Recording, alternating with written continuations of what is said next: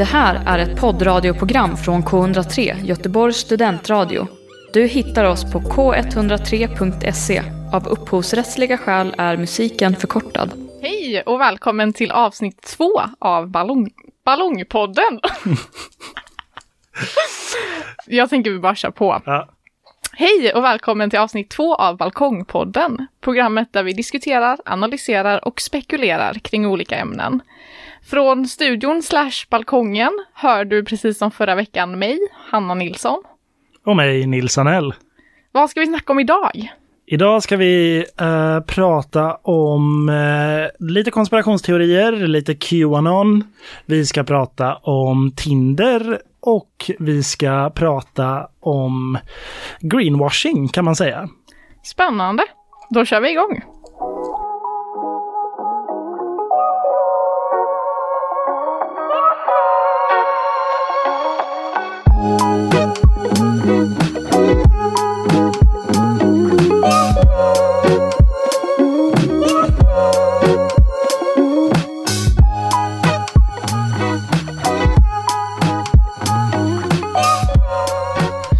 Ja, välkomna kära lyssnare till eh, andra avsnittet av Balkongpodden. Som sagt var, idag kommer vi prata om lite konspirationsteorier, lite uh, Tinder, lite greenwashing och sådär. Och som ni redan har märkt så Ah, håller vi liksom den här podden både högt och lågt.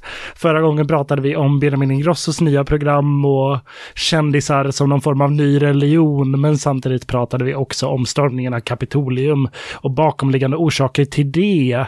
Så som ni har hört så sitter vi och spanar på lite allt möjligt och spekulerar kring lite allt möjligt. Jag tänker att vi håller både den höga och den låga fanan högt så att säga. Precis, bra uttryckt. Eh, men vi är ju inte riktigt, riktigt ensamma i den här balkongpodden. Vi har ju också hjälp av en eh, väldigt speciell person.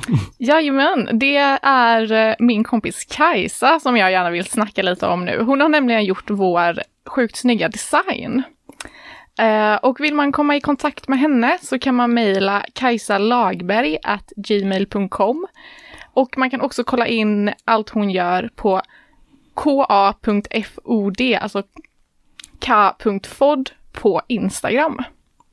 Yes, och eh, hennes bilder ligger ju uppe. Hennes bilder för den här podden ligger ju uppe på K103s hemsida där man också kan se mer om det här programmet. Och eh, Exakt. hon har fixat en, eh, ett grymt omslag till oss och eh, fixar också bilder till de olika avsnitten. Mm. Ja, men det känns jättekul att eh, det är väldigt snyggt paketerat allting. Verkligen.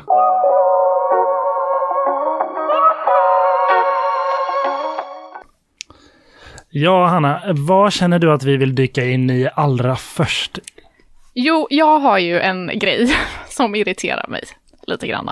Jag har sett lite reklamer eh, som, eh, ja, jag skulle gärna vilja snacka om dem, men jag tänker att vi skulle kunna lyssna på ett par av dem till att börja med. Att berätta lite om Preem Svanenmärkta diesel. Nu? Ja, om biodrivmedel från skogen och så. Och så blir talloljan till Svanenmärkt diesel. Bra va? Är det Gunde Svan jag hör? Det är det. Det är det. Och här har vi nästa. What is happening to the climate? It's the question that defines everything we do at Vattenfall. We are determined to make fossil free living happen within one generation. Känns ju tråkigt att vi gör lite indirekt reklam för de här nu, eh, med tanke på hur mycket jag ogillar dem. Då kanske det inte blir indirekt reklam. Nej, jag tänker att vi ska snacka runt det lite nu.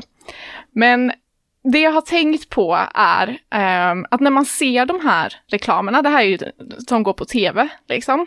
Vad var det här för reklamer? Det var Preems reklam för Svanenmärkt diesel, Just det, där var Gunde Svan. precis, eh, och deras eh, eh, bränsle som ska göras av biodrivmedel, eller ja, deras biodrivmedel helt enkelt. Det var första reklamen.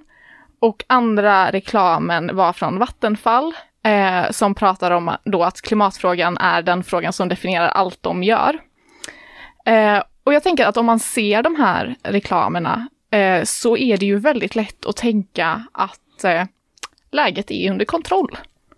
Att de här Ja. stora företagen, men de jobbar ju mot hållbarhet, de har de här bra produkterna eh, som man kan konsumera och så kommer vi liksom klara klimatmålen och vi kommer klara att hålla 1,5 gradersmålen. Um, men till saken hör ju också att om vi börjar med Preem då, eh, så är det det företaget som släpper ut tredje mest, det är det tredje största utsläpp... Det, det är, för, det är nummer tre på listan över största utsläppsföretag i Sverige. Precis, av koldioxid. Eh, och Vattenfall är också med på den här härliga topp 10-listan på plats nummer 9. Så det är liksom de största utsläpparna vi har att göra med, eh, som också då nu påstår sig vara hållbara. Eh, och om det stämmer, ehm, då är det väl bra, men frågan är om det stämmer och om det är de företagen som ska få definiera vad som är hållbart och hållbarhet.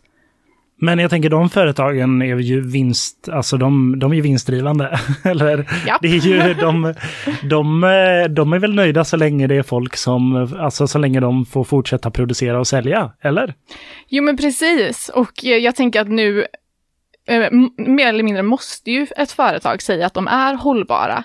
Eh, de är ju det i mer eller mindre hög utsträckning, men det är ju ingen som skulle säga att de inte är hållbara. Det skulle ju vara ett självmord liksom. Ja, precis. Det känns som att eh, hållbarhet har blivit någon sån här för, alltså för bolag så har det blivit någon sån här, jag vet inte, någon stämpel som man slänger sig med som alla slänger sig med för att de fattar att liksom det är den nya grejen eller att folk bryr sig om det.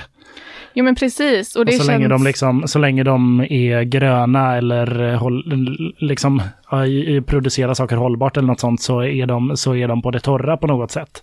För att folk eh, orkar inte riktigt läsa det finstilta eller liksom kolla upp liksom detaljerna bakom. Ja, och att man kanske inte kopplar ihop heller att det är de här företagen som också toppar utsläppslistan. Liksom. Den här härliga topp 10-listan. Mm, den som man inte vill vara på. Så för mig är detta bara typexempel på eh, greenwashing. Men eh, motbevisa mig gärna. Ja, ja alltså du, snack, du sa att eh, då man ser på de här reklamerna så verkar ju allt vara lugnt, men det är det ju inte. Jag har ju inför den här podden kollat upp lite hur vi ligger till med de svenska målen. Och Klimatpolitiska rådet, det är en myndighet som kom till 2018 som ska hålla koll på liksom hur politiker, eller hur regeringen liksom hur det går för oss med liksom klimat, klimatfrågan och mm. utsläpp och sånt där. Uh, och de kom ju med en ny rapport för bara några dagar sedan. Där, där de har sagt att allt, alltså det går inte tillräckligt snabbt med att liksom sänka våra mm. utsläpp. De kallade 2020 för ett år av stora tillfälliga utsläppsminskningar men obetydliga effekter på möjligheterna att nå klimatmålen. Mm. Och det var ju, alltså, vi, vi, vet ju vad som hände 2020, liksom. Uh, tiden stannade lite. Så det, det är ju klart att utsläppen minskade. Men de menar då att liksom, vi har inte tagit några steg under 2020, några politiska steg liksom, eh, för att liksom, begränsa våra utsläpp. Nej, uh, och på det sättet som de utsläppsminskningarna skedde, det är ju inte heller det är ju inte hållbart. Man kan ju inte säga att det var ett steg åt liksom ett mer hållbart samhälle. Eh, för, för, bara att utsläppen minskar, det, det, är ju allting runt omkring, liksom hur samhället fungerar och hur människor mår och hur ekonomin påverkas. Alltså allt det ingår ju också i ett hållbart samhälle. Um, och jag tror ingen skulle prata om 2020 som ett liksom hållbart år ur alla de aspekterna. Med eller, tanke på det som hände. Eller ett år som vi skulle vilja upprepa. Mm, nej men precis. det är ingen som vill tillbaka dit liksom. Så då, då, då måste det ju ske förändringar på strukturella nivåer istället för att man ser till sådana här eh, tillfälliga eh, liksom dippar. Det mm. kan man ju inte liksom basera det på för att vi förväntar oss inte att det ska komma en pandemi varje år som ska sätta stopp för saker. Men eh, de eh, klimatmålen ser i alla fall ut så att 2045 så ska Sveriges sammanlagda nettoutsläpp nå noll. Det betyder att vi ska ha minskat med, eh, utsläppen med 85 procent eh, sedan 1990 Uh, än så länge har utsläppen minskat med 20 procent. Det har gått, uh, vad blir det, 30 över 30 år. Och fram till 2030 så ska vi ha minskat enligt vårat, enligt det här schemat då som Sverige har, ska vi ha minskat med 63 procent. Så på tio, mindre än 10 år nu så ska vi ha minskat med 63 procent. Och vi har minskat Minska med... mer än vad vi har gjort sedan 90 alltså. Ja, precis. Och än så länge har vi minskat med 20 procent sedan vi har gjort sedan 1990. Så vi, det går ju i uppförsbacke kan man säga. Och det är de här företagen som är i topp för att inte minska de här utsläppen. Det är det som är viktigt att komma är det ihåg. de, ja, precis. De är ju de största utsläpparna, så de, de äh, ligger, ligger i allra högsta grad bakom, bakom de här siffrorna, liksom, utsläppssiffrorna som Sverige har. Verkligen. Jag känner att jag kan ta deras reklamer på allvar när de inte längre finns på den här listan. Precis.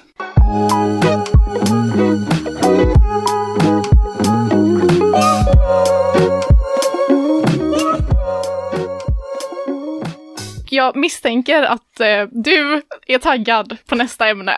Jag är jättetaggad på nästa ämne. Eh, jag har... eh, jag älskar ju konspirationsteorier och tycker de är jätteintressanta. Och sen så tycker jag också amerikansk politik är jätteintressant. Det här är liksom ditt prime-ämne. Det här är mitt prime-ämne och jag har inte riktigt dykt in i det tidigare och jag vet inte varför. Men jag har gjort det inför det här avsnittet. Eh, Berätta, vi- vad är det? vi ska prata om Qanon. Ehm, och för er som inte vet vad Qanon är, så kanske ni åtminstone känner igen eller liksom har lagt märke till den här eh, hornprydda karaktären som var med vid stormningen av Kapitolium den 6 januari. Precis som vi snackade om i förra avsnittet. Ja, precis. Eh, och känner man inte till Qanon så har man nog åtminstone sett honom i nyheterna. Det är nog lite svårt att missa. Han eh, kallade sig då för någon form av Qanon-shaman och heter egentligen Jake Angeli och är då en så kallad Qanon-anhängare. Och vad Eh, innebär det? Mm, Qanon är då en, någon form av rörelse, kan man nog kalla det för.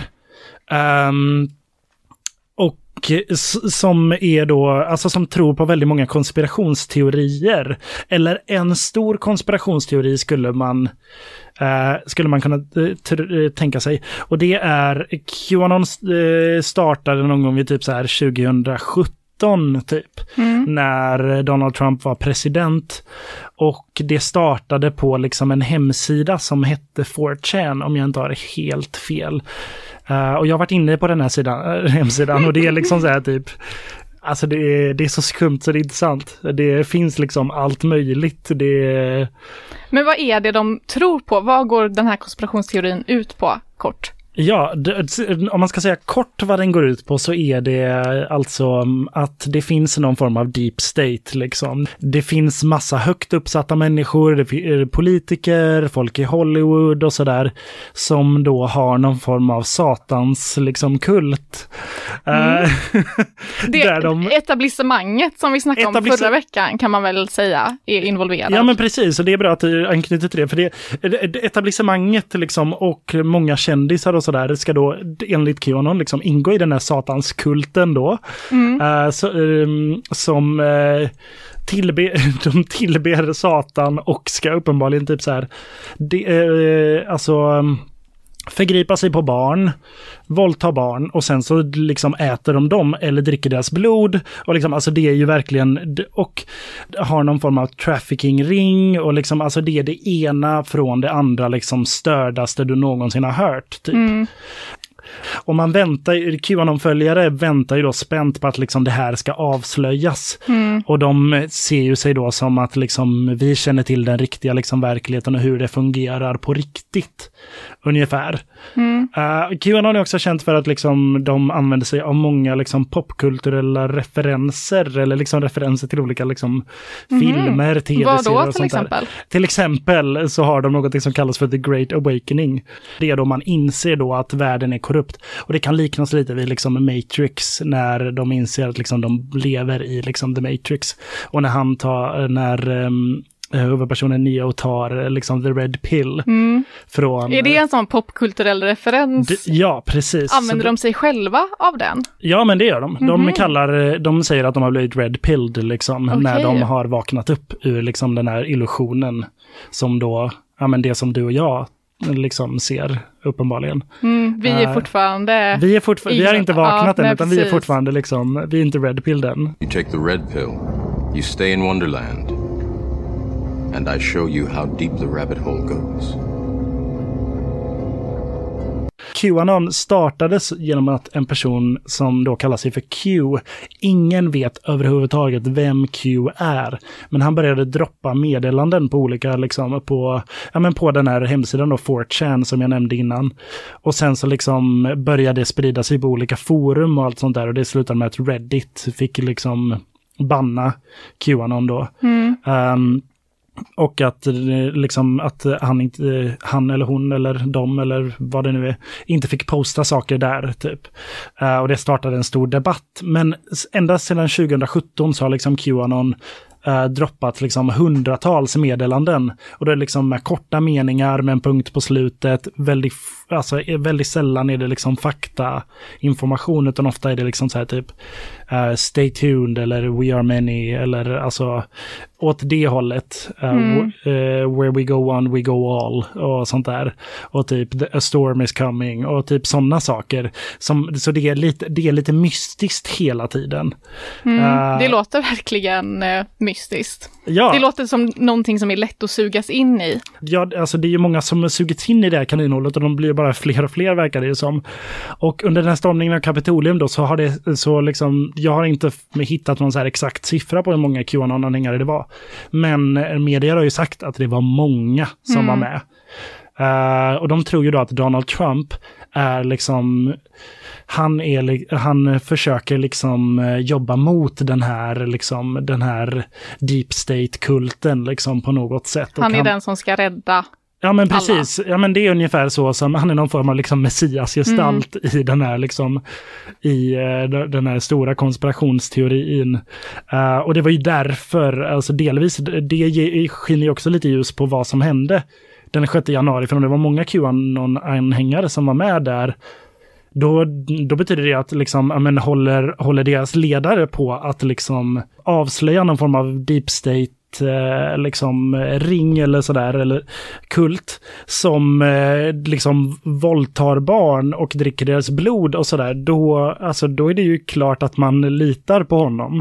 På, eh, och det han säger, som han säger att man ska storma Kapitolium, som man då tror si- sitter massa, det sitter massa korrupta politiker i. Då gör man ju det.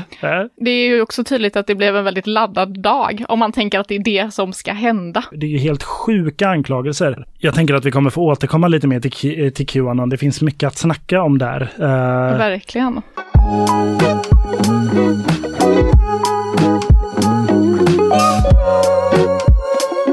vad, vad ska vi gå vidare till nu, Hanna? Ja, jag har en liten kort grej som jag vill avsluta med. Ehm, på tal om att vi också vill prata, inte bara högt, men även lite lågt. Eh, jag har funderat lite på, ehm, ja men du vet, när man snackar med folk som röker, Mm. eh, och man undrar liksom varför börjar du röka? Då tycker jag i alla fall att en vanlig förklaring är att ja, men det är en social gemenskap och man går ut på rökpauser och det är lite, det är lite mysigt häng kring det. Det är inte så mycket, det är få personer som svarar ja men jag är nikotinberoende, det är därför jag röker. Och Ja. det var man ju inte heller när man började, uppenbarligen. Nej. Känner jag, du igen det här eller? Ja, jättemycket. Jag, jag röker inte själv, men jag har ju haft den här diskussionen med folk för att man vill ju vara med på rökpauserna under fester eller när man är ute. Eller Ja, något sånt. precis. Jag har ju med mig, alltså jag, har, jag tycker inte om cigaretter, men jag tycker om typ cigariller. Så jag har med mig, jag brukar ha med mig cigariller när jag går ut för att jag liksom vill ha någonting att stå och röka under rökpausen, för man vill liksom komma ut och ta den där pausen med folk. Det är socialt. Ja, men det, och det är ju rätt mysigt. Man går ut, det blir lite lugnare, man kan snacka lite, man får lite mer eh, intim stämning än på typ en brusig fest eller för, på ett arbetspass också för den delen, att man får en paus liksom och, Ja. och har en social eh, gemenskap i det. Och då har jag funderat lite på Tinder Ja. och insett att för mig är Tinder ungefär som att röka. Ha. Förklara. Eh, jag tänker att, eller jag har liksom insett att egentligen använder jag nog inte Tinder så mycket för Tinder i sig. Du, du använder det inte för att dejta. Nej, inte riktigt. Inte Eh, eller inte primärt, utan mer för att det är jäkligt kul att kunna snacka om det med sina kompisar. att det blir den här sociala grejen att samlas kring. Istället för en cigarett så samlas man kring Tinder. Huh. Och då vill man ju kunna vara med i det snacket och prata om liksom olika personer man snackar med eller träffar eller sådär liksom. Förstår du vad jag menar? Ja, men jag förstår vad du menar. Brukar du sitta och typ så här swipa tillsammans med eh, som, dina vänner som en social grej också? Absolut! det, ja absolut. Det händer. Men jag kan känna, igen- jag vet inte om jag känner igen det i mig själv, eller jo. Jo, jag har nog, jag har aldrig varit på en Tinder-dejt men jag har definitivt snackat med folk om Tinder. Så på, eh, det, det, du lyckas väl, eller alltså jag mm, kan väl förstå, känna igen mig i det. Men eh, jag känner också igen att liksom, jag har många vänner som egentligen inte bryr sig så himla mycket om att gå på liksom, dejter med folk som de snackar om på Tinder. Men de tycker det är kul att snacka om Tinder. Ja men precis. Eller sitta och liksom swipa tillsammans eller något sånt. Och det är ofta efter att ha snackat om det med vänner som jag öppnar appen igen och tänker, men det är ändå rätt kul. Och sen så är det inte så roligt som det var när vi pratade om det. Mhm, Att att det blir lite så här snacket glorifierat trumfar- samtalsämne. typ. Jo men precis, för man får ju bara höra de roliga grejerna, de roliga stories som folk har. Mm. Eh, alla de där 50 personerna man swipade nej på hör man ju kanske inte lika mycket om liksom. Nej, det är sant. Är du en sån där som skriver direkt på Tinder? Nej, det är jag inte. Eller det beror väl lite på, men eh, oftast inte. Okej. Ja, det var allt vi hade för den här veckan. Ja. Eh, lita inte på alla reklamer ni ser kids. Nej, Och eh, vill ni veta mer om Qanon eh, eller något sånt så alltså, det finns en grym dokumentär på HBO som precis har släppts för i år. Där man kan få reda lite, eh, på lite mer där de försöker ta reda på vem Q är. Så vill man Spännande. fördjupa sig kan man kolla på den. Det kan jag tänka mig att du ska göra. Jag har redan kollat på första avsnittet. Perfekt. Tack för att ni har lyssnat på veckans avsnitt av Balkongpodden med Hanna och Nils. Vi är tillbaka igen om två veckor. Tack så mycket för idag. ha det bra!